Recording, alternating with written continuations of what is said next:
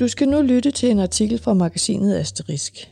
Det er en leder, og den er skrevet af Claus Holm, som er institutleder på DPU Aarhus Universitet. Claus Holm skriver om det, som han mener er tidens uddannelsespolitiske løsen, trivsel og bæredygtighed. Om at dagtilbud og folkeskole skal forgrønne de næste generationers liv gennem dannelse af grønne fingre over hjerner og til vores hjerter. Claus Holm mener imidlertid ikke, at en sådan pædagogik skaber bæredygtig livslykke. Snarere, at der er brug for en mere jordnær gartner- og livsduelighedspædagogik for at klare sig i fremtidens samfund. Han har kaldt sin leder for Paradise Lost, tilkaldt den grønne pædagogik. I tusindvis af år har forskellige kulturer sammenlignet den menneskelige lykke med en paradisisk haveeksistens. Den tjekkiske forfatter Karl Karpek skrev i 1929 bogen Et år med min have, og i den beskriver Karpek paradis. Det lyder sådan her. Hvis de kunne gavne noget, vi havedyrkeren daglig falde på knæ og bede omtrent som følger. Herre Gud, lav det sådan, at det daglige må regne cirka fra midnat til klokken 3 om morgenen, men du forstår nok, rigtig langsomt og varmt, så det kan trænge godt ned. Men pas på, at det samtidig ikke regner på tjærenælken, på alysum og lavendel og de andre planter, der er der i din uendelige visdom bekendt som tørkeplanter.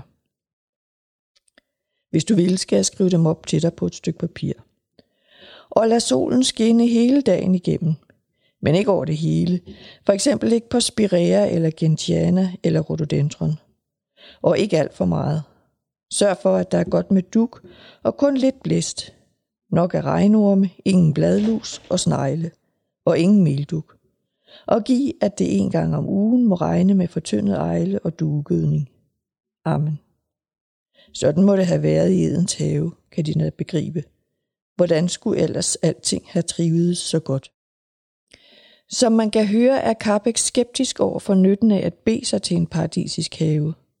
Han tror mere på gardnerens kærlighedsforhold til selve jorden i form af havedyrkning. Men hov, hvorfor alt den snak om bladlus, snegle og havedyrkning i et pædagogisk magasin? Fordi havedyrkning er en af de absolut vigtigste metaforer for pædagogik, og fordi den underliggende besked i Carpeks bog er, at havedykning er en livslang uddannelse i, hvordan man etablerer sig og får fodfæste på jorden.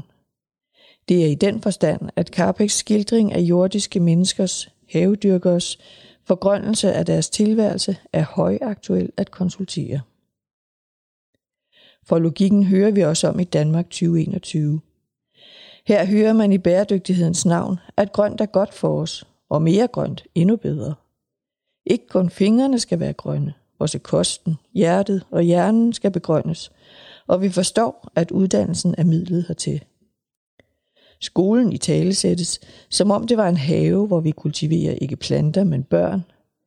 Hvert barn skal trives, som var det en lille spire, der ved at blive plejet og iagtaget og få den rette mængde sol og vand, får et solidt rodgreb. Og vi må spørge os selv, næsten som Kapik, om de der nogensinde trives godt nok, og hvis ikke, hvad vi så skal gøre ved det. Et aktuelt politisk svar har vi for nylig fået via det radikale venstres drøftelser af fremtidens bæredygtige folkeskole under overskriften Den grønne betænkning. Inspirationen kommer fra den blå betænkning fra 1961, som var et korrektiv til folkeskolens formålsparagraf fra 1958, der lagde vægt på skolens opdragelse af elever til at gøre nytte.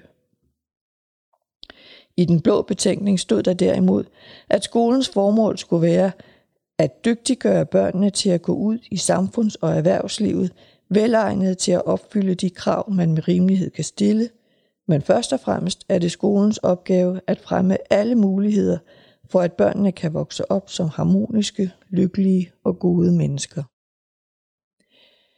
Det primære mål var at gøre børn lykkelige, ikke konkurrencedygtige. I dag, 60 år efter den blå betænkning, står vi i en anden situation. Målet i den grønne betænkning synes umiddelbart at være, at børn ikke alene skal blive konkurrencedygtige, men først og fremmest trives i dagtilbud, i skolen, ja i et samfund, der er ved at få bæredygtighed som fremherskende ideologisk mission. Baggrunden herfor er en udskældt konkurrencestat og en skolereform, der kritiseres for mål- og testtyveri, præstationspres og mistrivsel. Eller sagt med havens sprog, for meget nyttehavetænkning og for lidt beskyttet åndehul. Men hvad betyder egentlig bæredygtighed i relation til at fremme elevers trivsel? Er det lige med paradisisk trivsel? Det er der forskellige svar på, og et af dem handler om at forsvare trivsel mod faglighed og læring. Når det gælder dagtilbud, ser vi det i form af opstilling af modsætninger mellem leg og læring, og i skolesammenhæng som en modsætning mellem trivsel og læring. Hertil vil jeg foreslå, at dagtilbud, skoler og for den sags skyld uddannelsessystemet nedtoner disse for hårdt opsatte modsætninger og orienterer sig mod faglig trivsel for at bidrage til børn og elevers livsduelighed. Hvorfor nu denne idé om at skifte fokus fra trivsel til at tale om faglig trivsel og først og fremmest livsduelighed? For det første fordi livsduelighed, såvel for den enkelte som for fællesskabet, grundlæggende handler om at blive god nok til at klare sig i livet. Ikke om en trivselstilstand knyttet til forestillinger om velvære, well-being, sundhed og lykke, som risikerer at føre til manglende respekt for, at læreprocesser per definition er forbundet med smertelige, men lærerige fejltagelser. For det andet, fordi evalueringen af folkeskolereformen indikerer, at vi ikke står med en generel mistrivselskrise på hænderne. Langt de fleste elever lærer og har det godt. Der er et voksende antal børn og unge, som er i mistrivsel, og det er bekymrende. Men der er ikke grundlag for at demokratisere problemet. Det skrøbeligt gør for mange og fjerner fokus fra et mindretal i alvorlig mistrivsel. Den tredje grund til at skifte fokus til livsduelighed er, at livsduelighed for den enkelte såvel som for fællesskabet opnås ved, næsten som en gartner, at leve et arbejdsomt og lærende liv i forhold til, hvad der udgør bæredygtige eksistens- og livsbetingelser for planter, for børn og for livet som sådan. Og dette under skiftende vejr og klimaforhold, eksistens- og samfundsforhold.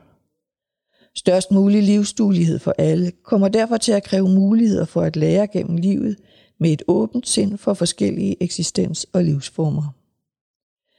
Så er disse grunde, lad os komme ned på jorden – og praktisere et bæredygtigheds- og livsduelighedsideal i dagtilbud og skoler, der gør kommende generationer i stand til at bevare fod- og rodfæste på deres hjem, jorden.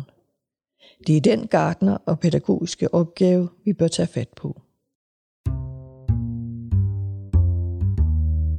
Du har lyttet til en leder fra DPU's magasin Asterisk. Den blev læst af mig, Lisbeth Hartmann. Tak fordi du lyttede med.